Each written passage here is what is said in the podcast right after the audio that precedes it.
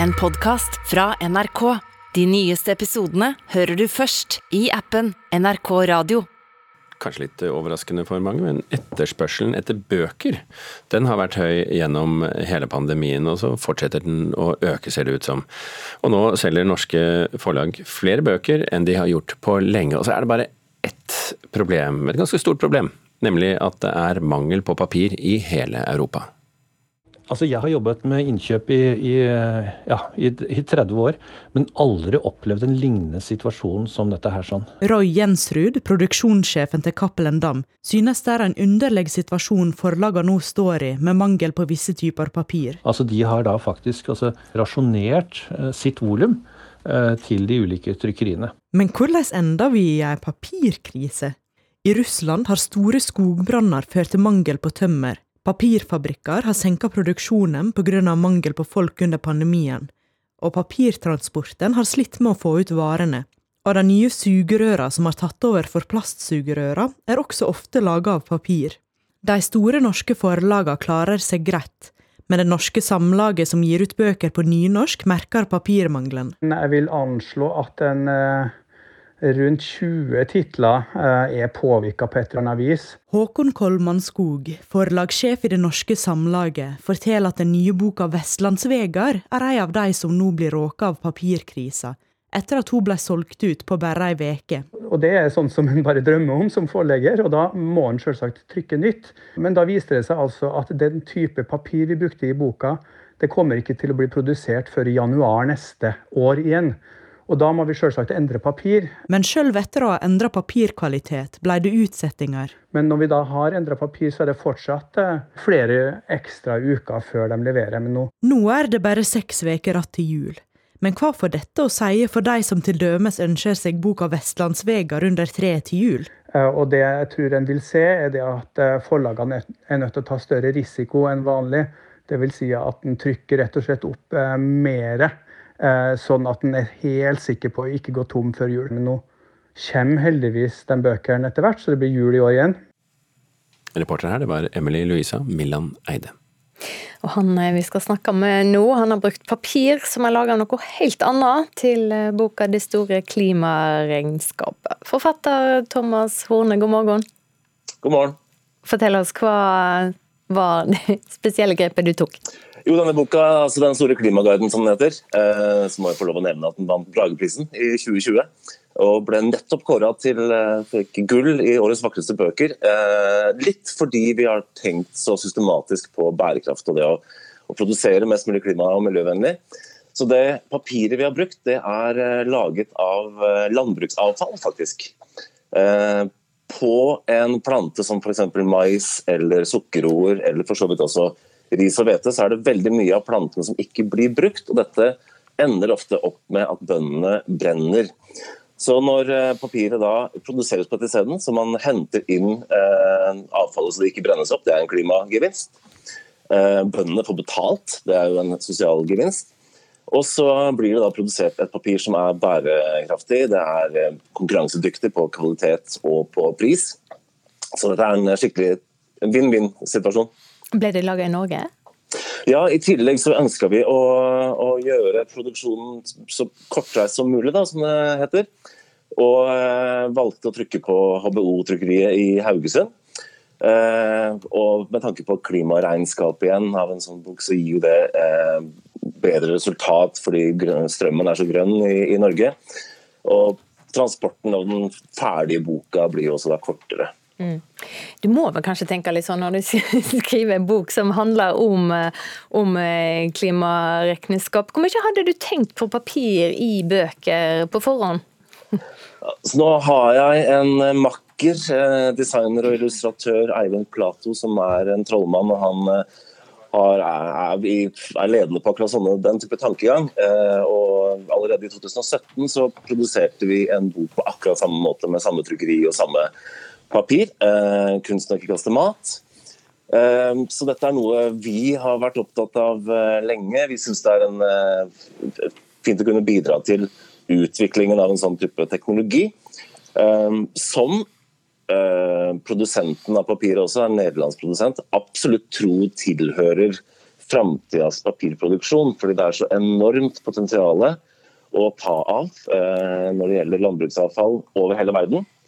Her dreier det seg egentlig om at eh, det må vokse en etterspørsel etter dette, sånn at infrastrukturen for å hente inn, og ikke minst teknologien for å produsere dette eh, enda bedre og enda billigere enn i, i dag, eh, blir mulig. Så du, dette kan bli et fint tilskudd da, til, til uker. Men, men, er egentlig tradisjonelle bøker papirvennlige i det hele tatt? Eh, er det ikke bedre med e-bøker, lesebrett, digitale bøker?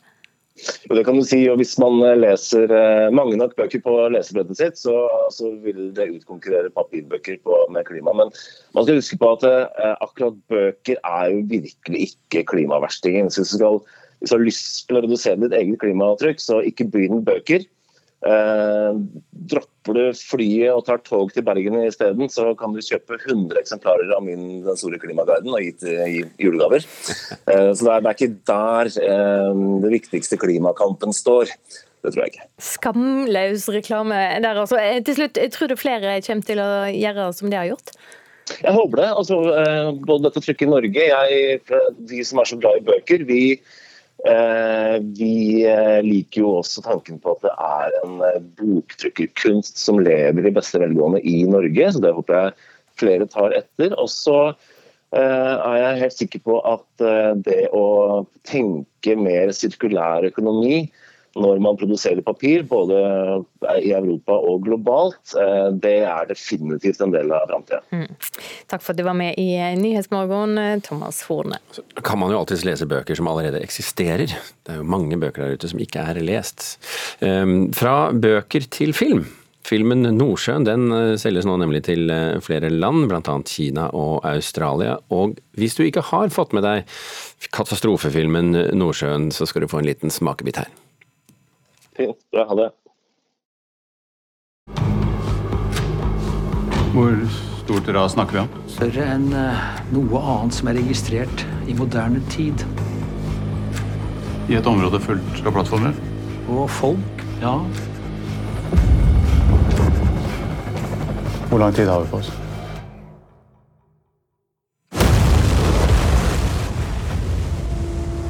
Det blir litt sånn at man setter seg ut på kanten av stolen selv bare på sånne små klipp som det her. Ehm, Nordsjøen altså. Eh, premiere for et par uker siden her i Norge. Solgt eh, til en rekke land, bl.a. Frankrike. Reporter Anita Kristiansen, kan du ta den fullstendige listen? Det kan jeg. Filmen blir solgt til stadig flere, flere land, så den listen begynner å bli lang. Allerede under et europeisk filmmarked i februar så ble Nordsjøen solgt til en rekke europeiske og latinamerikanske land. Bl.a. Frankrike, som du nevnte, men også de tyskspråklige, tyskspråklige landene Italia, Spania og Russland. Og senere har også USA eh, kommet til gjennom Magnolia Pictures. Og også Storbritannia, India, Japan og Sør-Korea er nå en del av listen. Og det blir bare flere, så snart vil hovedrolleinnehaver Kristine eh, Kua Torp og bl.a. Eh, Rolf Christian Larsen og Anders Bosmo eh, bli sett på TV-skjermer rundt i verden. Og ikke minst Kina. Ikke minst Kina, de siste landene som har sikret seg rettigheter. Eh, til Nordsjøen, det er Kina, Australia, New Zealand, Hellas og Portugal. Vi nordmenn vi føler at vi har et litt sånn eh, nært forhold til, eh, til oljeplattformer ute i Nordsjøen. Men hva slags film er det da disse landene som ikke har eh, offshore oljeproduksjon kan forvente seg? Jeg vet ikke om de landene har sett Bølgen og Skjelvet, men hvis jeg nevner at Bølgen og Skjelvet er i samme sjanger som Nordsjøen, Eh, som er to foregående katastrofefilmer fra Fantefilm, så er det et godt bilde på hva man kan forvente av denne filmen. Som navnet kanskje avslører, så tar filmen for seg det norske oljeeventyret som får en dramatisk vending. En oljeplattform går plutselig ned utenfor Ormen Lange-feltet, og forskerne forsøker desperat å finne løsningen på den tilsynelatende uforklarlige hendelsen og Norge holder pusten når det viser seg at ulykken bare er starten på noe som skal bli veldig mye mer alvorlig. Klassisk katastrofe der, altså. Anita Kristiansen, takk skal du ha. Ja, Vi skal snakke mer om film, for den amerikanske filmen eh, 'The Boy Behind the Door' har premiere på norske kinoer i morgen. NRK sin kritiker Birger Vestmo sier filmen klarer å spre litt uhygge, men at han likevel fikk kjensla av å se en skrekkfilm på amatørnivå.